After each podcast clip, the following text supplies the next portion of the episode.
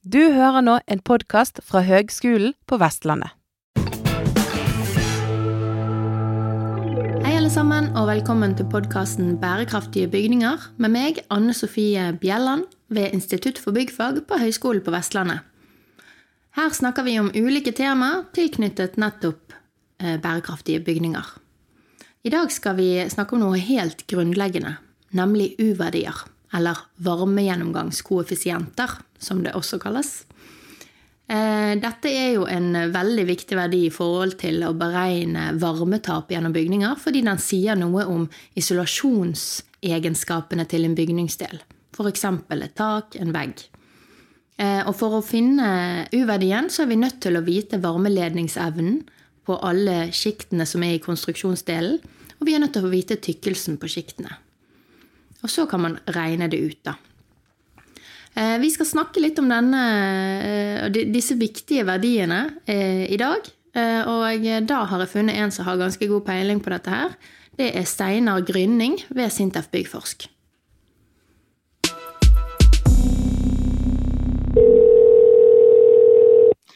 Hei, Steinar. Hei. Hei. Takk for at du eh, stiller til en liten prat med meg. Eh, vil du først fortelle litt om deg sjøl og din bakgrunn og hvor du jobber? Ja, det kan jeg godt gjøre. Eh, Steinar Gryning heter jeg da. Jeg eh, jobber akkurat nå i Sintef. Uh, har jobba i Sintef siden 2008, tror jeg det må bli. nå leder jeg en faggruppe som heter bygningsfysikk. Så vi jobber jo mye med bygningsfysikk, og derunder uverdier U-verdier og varmeisolasjon og fukt- og varmetransport og skal vi si, sånn energioptimalisering av, av bygninger, da, også i litt mer sånn utstrakt forstand. Eh, jeg tok mastergraden min på NTNU. Jeg gikk ut der i 2008. Da skrev jeg om kullebroer, faktisk. Eh, så jobba jeg et par år. Så skrev jeg en doktoravhandling også på NTNU i, ehm, i det her forskningssenteret for nullutslippsbygg, altså SEB. Så der skrev jeg også om um, fasader og litt mer sånn avanserte fasadeteknologier og vinduer og uverdier og litt de tingene der, da. Så, ja, da er du rette personen til å spørre om nettopp uverdier. Ja, jeg håper det. Ja. Kan du fortelle det du vet om, om historien til U-verdien? Og hvorfor U? Hvorfor U? Jeg vet det vet jeg faktisk ikke sjøl. Tidligere så het det jo K også en periode. K-verdi. Mm. Uh, men helt uh, nøyaktig hvor den U-en uh, stammer fra, det veit jeg faktisk ikke. Så nå er ikke jeg noen historiker, da. Men jeg kjenner jo i hvert fall liksom, konseptet her. U-verdi og hva vi ønsker å måtte, formidle med det òg. For det handler jo litt om det òg tenker at I Norge så, så er det her med U-verdi, eller varmegjennomgangskoeffisient, veldig sånn tett knytta opp til uh, energibruk til oppvarming. Uh, det handler mye om det, og de forskriftene vi har hatt også. Um, så sånn historisk sett da, så kan man jo si at skjerping i forskriftskravene til bygninger, altså krav til hvor mye energi man skal bruke per kvadratmeter eh, boflate eh, har jo blitt skjerpa. Eh, egentlig jeg tror det er riktig å si at det har foregått helt siden etterkrigstida. Kanskje spesielt på 70-tallet var det vel liksom at de her skjerpingene begynte å bli litt mer strukturert, og kanskje litt mer sånn regelmessig også. Um, og så er det jo da de tech altså teknisk forskrift fra ulike tidsepoker som har vært litt sånn styrende. Og så i de senere åra så har det jo kommet til litt sånne skal vi si, ikke valgfrie krav, men litt mer sånn andre typer krav også. Vi snakker om passivhus, og vi snakker om lavenergiboliger og nullutslippsboliger. Og det er Bream, og det er mye forskjellige mye forskjellige skal vi si, liksom drivere for akkurat den uverdibiten også. Da. Mm. Uh, uverdien sier jo noe om hvor godt en bygningsdel er isolert. Mm. Og hvor mye varme som går igjennom den bygningsdelen som følge av en temperaturforskjell da, mellom inne og ute.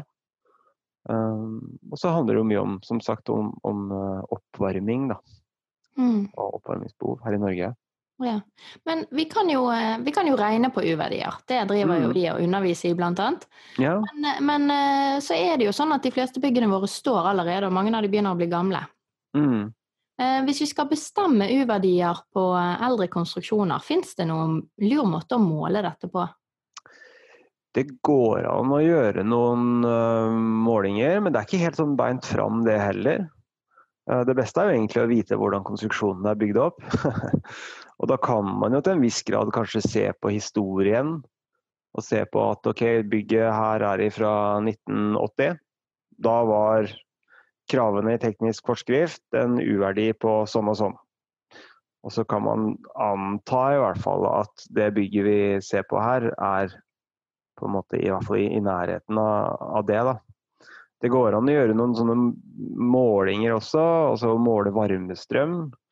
Eh, da har man liksom kontroll på temperatur inne og ute.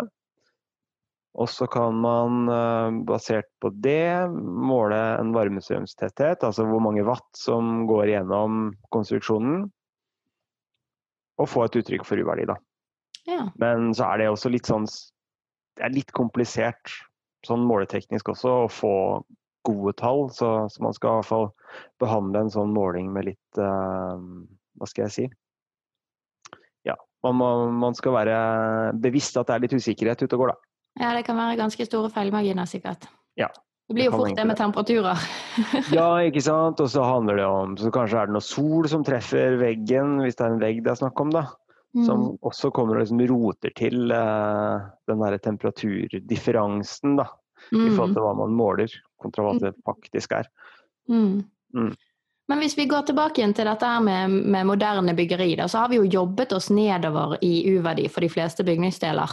Mm. Eh, eh, hva tenker du, er det jo lavere jo bedre, eller begynner vi liksom nå å nå, eh, nå mål, for å si det sånn? Altså, jeg har Mm. sett den tjukkeste ytterveggen jeg har vært borti, den var en halv meter tjukk. ja, ikke sant. Så jeg tror det er liksom eh, det, Svaret på det spørsmålet er jo at ja, det blir jo bedre og bedre jo mer man isolerer, men jeg tror vi begynner å nærme oss en sånn praktisk grense for hva som er eh, hva som er lurt, da, kalle det. Mm. For jeg tenker sånn, De første 10 centimeterne med isolasjon gir jo en god, en god effekt. Så legger man på 10 nye centimeter, så, så har man en, fortsatt en effekt, men den er ikke like effektiv som de første 10 cm. Og så legger man på ytterligere 10 cm, da, så begynner den innvirkningen på U-verdien å liksom flate litt ut. Den er ikke lineær da, som følge av tykkelsen. Mm. Så, og så handler det jo også om, om det her med altså utslipp og CO2 den karbonfotavtrykket som vi snakker om, ikke sant? Og, og hva det faktisk koster av energi å lage veggen også. Mm. Jeg husker vi gjorde noen litt artige studier på det i egentlig regi av det her nullutslippsbygg, det er SEB-senteret. Du ser at på en måte energien som går med til å produsere en, eh, en yttervegg, da, avhenger jo naturlig nok av tjukkelsen. Så den tilleggs, det tilleggsutslippet å lage en vegg på 50 cm kontra en på 40 er Mm. kanskje større enn det utslippet man sparer i driftsfase. Oi! Hvis, hvis du skjønte den? Jeg skjønte den. Uh, Ikke sant? Så, og det er litt sånn paradoks på et vis, da. Ja.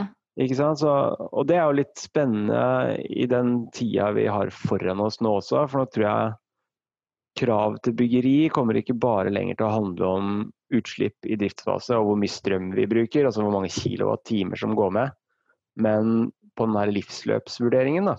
Mm. Ikke sant? Og da blir det veldig viktig hvordan veggene er bygd opp, hvilke materialer som er brukt osv. Da blir jo uverdi bare en del av, en del av hele regnestykket. Mm.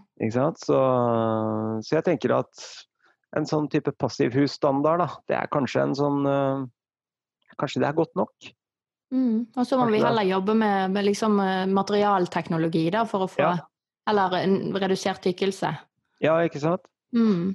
Nye materialer. Man har jo Der òg er det jo mye som skjer, da. Det er jo vakuumisolasjonspaneler og aerogels og litt mer sånne nanoisolasjonsmaterialer som har en mye høyere isolasjonsevne enn typisk sånn mineralull og, og den, den, type isolasjonsmaterialer. da. Mm. For det er jo, som du sa, liksom, hvis det er 50 cm tjukk vegg, så begynner det å bli litt Det begynner å bli heftig, da. Og det begynner kanskje etter hvert å gå på, på Det begynner kanskje å påvirke på dagslysinnslippet og sånne ting også. Det blir mm. som en sånn mur, en festningsvegg. Ja. ikke sant? Og det er jo ikke så veldig ålreit heller. Og så tar det jo plass, da. Ja. Tenker på spesielt i, liksom i ja, la oss si Oslo, da, hvor kvadratmeterprisen for en leilighet er ganske høy. Da. Så hvis du bruker opp 20 cm av grunnflata di i hele veggen, som, altså hele omkretsen, da, mm. Så har du kanskje mista noen kvadratmeter òg. Ja, det er mye penger. Ja, men det er jo det. sant? Så, så fordi mm. sånn vi forskere er jo kanskje ikke sånn, i hvert fall ikke tradisjonelt så opptatt av, av penger, kanskje. Men for de, som, for de, som, bryr seg om det, så er det jo en faktor, det også. Ja, ja, ja. Men jeg, jeg tenker på én ting. Hvis vi snakker om disse lave uverdiene, sant? så påvirker jo det eh, temperaturutviklingen i veggen. Mm. Eh, for eksempel så Jeg bor i en gammel sånn eh, by, murbygård. Mm. En teglsteinsbygård. Og litt av grunnen til at den står her fortsatt, den er jo bygget på slutten av 1800-tallet, litt av grunnen til at den står her enda, det er jo at eh, den er dårlig isolert, og at eh, vi holder temperaturen ganske god også på utsiden, sånn at den får tørke ut. Eh, det blir ikke så mye frostsprengning på fasaden som gjør at den forvitrer. Ser du Altså, vi mister en effekt for husene, da. Mm. Tenker, er, det, er, det, en utfordring, tenker du, med tanke på fukt og uttørking? Og... Ja, jeg tror det kan være det. Uh, jeg tror spesielt uh, det vi ser, da, er jo det her med, med altså, oppfukting av konstruksjonen i byggefasen. Mm. Um, jeg tror liksom Hvis man bygger veggen godt da, med en god dampsperre og en tilstrekkelig liksom, dampåpen vindsperre, så skal det være gode uttørkingsmuligheter for en, i hvert fall en, en bindingsverksvegg, da, for å ta det som et eksempel. Mm. Men, men, så ser vi at uh, hvis man bygger en 30-40 cm tykk vegg, og det, den veggen blir fukta opp i byggefasen, så er det litt mer fare på ferde. Litt sånn som du sier, i en sånn litt dårlig isolert vegg så vil man ha relativt sett en høyere temperatur og en større skal vi si, uttørkingsevne. Da i, i den veggen. Men for de 30-40 cm tjukke veggene med, med, stendere og mye treverk, så kan det være ganske mye fukt som blir bygd inn. Så Det er også sånne ting som man må vurdere. da. Kanskje må man tenke på tildekking av bygget i byggefasen osv. for å unngå at det blir fukta opp. da. Mm. Så, men, det, men det, det, handler jo om å velge de riktige materialene og bygge opp konstruksjonen på en god måte. da. Og Der er jo vi i Norge synes jeg er veldig si, filosofien med totrinnstetting. At man har en utvendig regnskjerm, uh, og så har man et trinn to i tettinga som er en vindsperre. Som skal hindre at vann trekker inn i veggen, men den skal jo være dampåpen.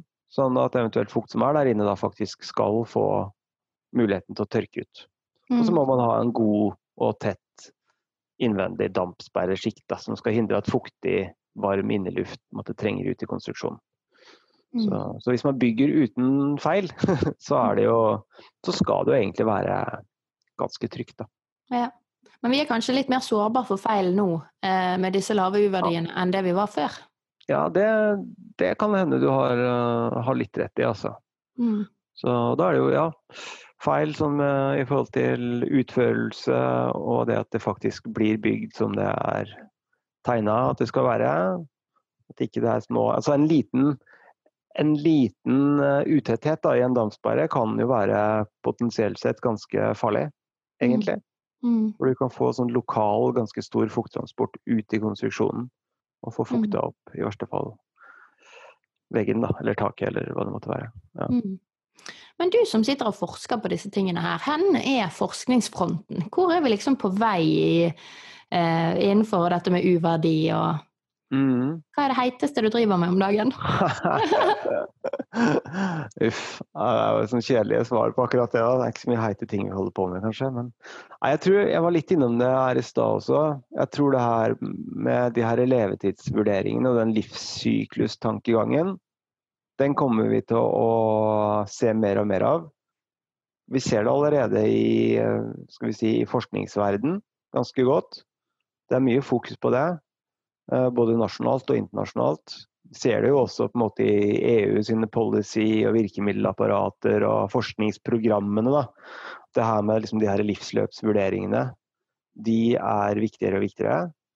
Um, så, jeg tror, så jeg tror kanskje at vi etter hvert, som vi har snakka litt om, om, tidligere her òg, da, egentlig, at vi begynner å nå en sånn grense for liksom hva, hva vi skal kreve, kreve, av konstruksjonen i form av en uverdi. Da. At det kravet begynner å bli eh, sånn, Der er det optimale punktet etter hvert kanskje nådd.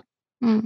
Så det blir mer å se på okay, hvilke materialer vi bruker, hvordan er veggen bygd opp, hvordan kan vi gjøre den slankere. Og også kanskje litt mer på Altså uverdi er jo en sånn statisk verdi. Det sier noe om hvor mye varme som går gjennom en konstruksjon per kvadratmeter per temperaturforskjell. Men så er det noe med å se på en måte byggene litt mer som en helhet, da, tenker jeg. Og hvordan uh, altså Man kan blande inn faktorer som termisk masse, og altså hvordan bygget responderer på en temperaturforandring også ute. da. Se på sånn dynamikken i det. Mm. Det tror jeg kanskje kommer til å bli viktigere og viktigere, for der er det etter hvert mer å hente. Tror jeg, da. Mm. Så, så, uverdi Skal vi si forskningen på uverdi, eller forskningen på varmeisolasjon, da, den kommer etter hvert til å bli litt mer sånn ja, tverrfaglig, for å bruke et litt forslitt uttrykk, kanskje. Den mm. også. Ja. Men eh, jeg eh, jobber jo på høyskolen, der vi utdanner eh, aktører til morgendagens byggebransje. Ja. Har du noen gode tips og råd til disse studentene før de skal ut i den store verden? Ja, skulle det være da? Det kanskje sier seg jo selv, da, men det å liksom fortsette å være litt nysgjerrig. Og bevare litt det her åpne åpne sinnet som jeg tror man har når man er ganske fersk i gamet, da, kall det det. Og så tror jeg, som, som min erfaring også, som, som, både som student og som forsker, og for så vidt også som foreleser, er at jeg tror det er viktig å snakke godt sammen. Da. Ikke bare ingeniører mot ingeniører, men ingeniører mot arkitekter, f.eks.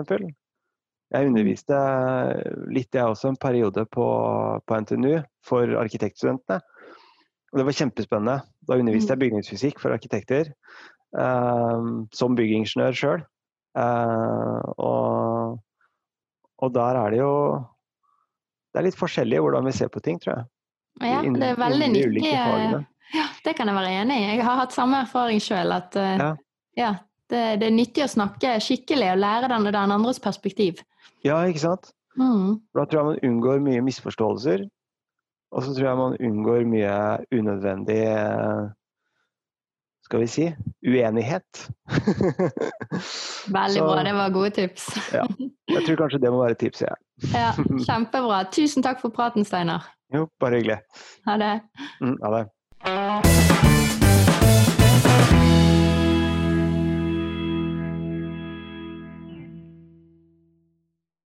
Du har nå hørt en podkast fra Høgskolen på Vestlandet. For å høre flere podkaster, besøk hvl.no slash podkast.